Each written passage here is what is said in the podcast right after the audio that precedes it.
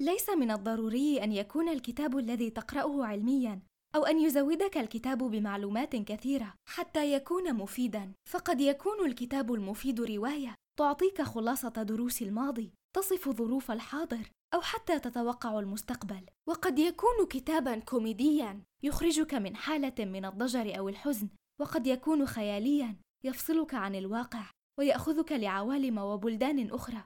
أهلاً بكم في أول بودكاست من إنتاجي، بودكاست كتابي المفضل. في هذا البودكاست سأحدثكم عن خمس كتب من أكثر الكتب التي أحببتها، تتحدث في مواضيع مختلفة، وسأقرأ لكم منها أجمل الاقتباسات، وربما بعض الصفحات أيضاً.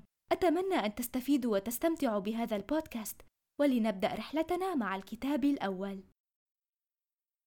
قرطبة عروس الأندلس لرانيا عدلي نور الدين في الحقيقة إن قرطبة عروس الأندلس هو بحث تاريخي عن أشهر علماء قرطبة المسلمين، إضافة للحياة الاجتماعية والثقافية في مدينة قرطبة الأندلسية، لكني شخصيا لم أشعر بالملل أثناء قراءة الكتاب. الكتاب مثمر جدا ومليء بمعلومات كثيرة عن الأندلس وعلمائها، متى ولدوا وكيف عاشوا، ورحلاتهم لطلب العلم من الشرق، وقد أضافت الكاتبة في نهاية الكتاب جميع مصادر بحثها وهذا يتيح فرصة للقارئ للتأكد من المعلومات والاستزادة منها. حكت الكاتبة تفاصيل حياة العلماء بشكل مرتب ومنظم مما يجعل القراءة سلسة. كانت الكاتبة تقارن بين أحداث الماضي والحاضر. هدفها من هذا هو توجيه الناس للتعلم من علماء وضعوا طلب العلم أولوية من أولوياتهم لا من مشاهير لا فائدة من متابعتهم.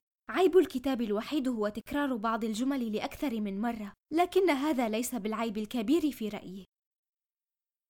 فلو بلغت ذنوبك عنان السماء، حاول أن تزاحمها بفعل الحسنات والخيرات، مهما صغر قدرها في عينك، وتذكر أن العمل الصغير تعظمه النية الصادقة لوجه الله تعالى، كما أن العمل الكبير قد يحقره عدم وجود النية. وتذكر أيضا أنه لا أحد منا يدري بأي عمل يدخل الجنة. فانثر عبير فعالك الطيبة وأخلاقك العطرة في كل موطن تطأه قدمك. لعلها تكون شاهدا لك يوم لا ينفع مال ولا بنون إلا من أتى الله جل وعلا بقلب سليم. قد يقول لك شخص أو تقول له لم أكن أتخيل أن مثلك يصدر منه هذا الفعل أو يتفوه بمثل هذه الكلمات إلا أنك تفاجأ أن المتلقي يعتبرها إهانة مصوبة على صميم كرامته وكبريائه، لذلك لا تستغرب أن يكيل لك التهم إن لم تكن الشتائم. اعلم أن هذه المقولة لا تحمل من الذم بقدر ما تحمل من إعلاء قدرك ورفعة شأنك، فلسان حال قائلها يهمس في قلبك وليس في أذنك، منبها لك أن مثلك أكبر من أن ينزل إلى مثل هذا المستوى من الفعل أو التفوه بمثل هذه الكلمات التي تشين صاحبها قبل أن تسيء إلى غيره لأن مثلك لا يليق به إلا معالي الأمور. فاصغي لما تحمله كلماته من الرقي. وانأ بنفسك أن تأخذك مفاسد الدنيا ومباهجها الزائفة إلى سفاسف الأمور وتوافهها العصامي.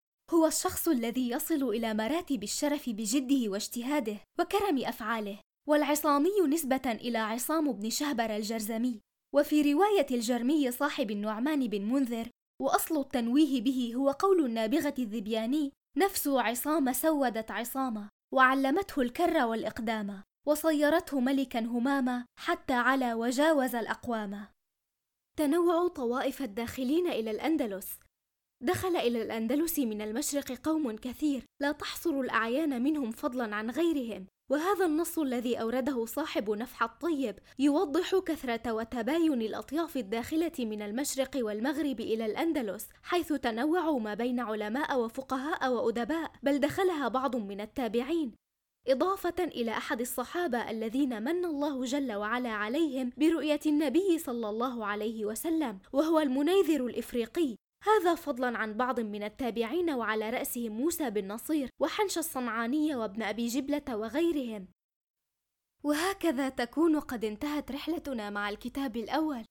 أرجو أن الحلقة قد نالت إعجابكم واستفدتم منها. كانت معكم منا عبد الله وإلى اللقاء في الحلقة القادمة.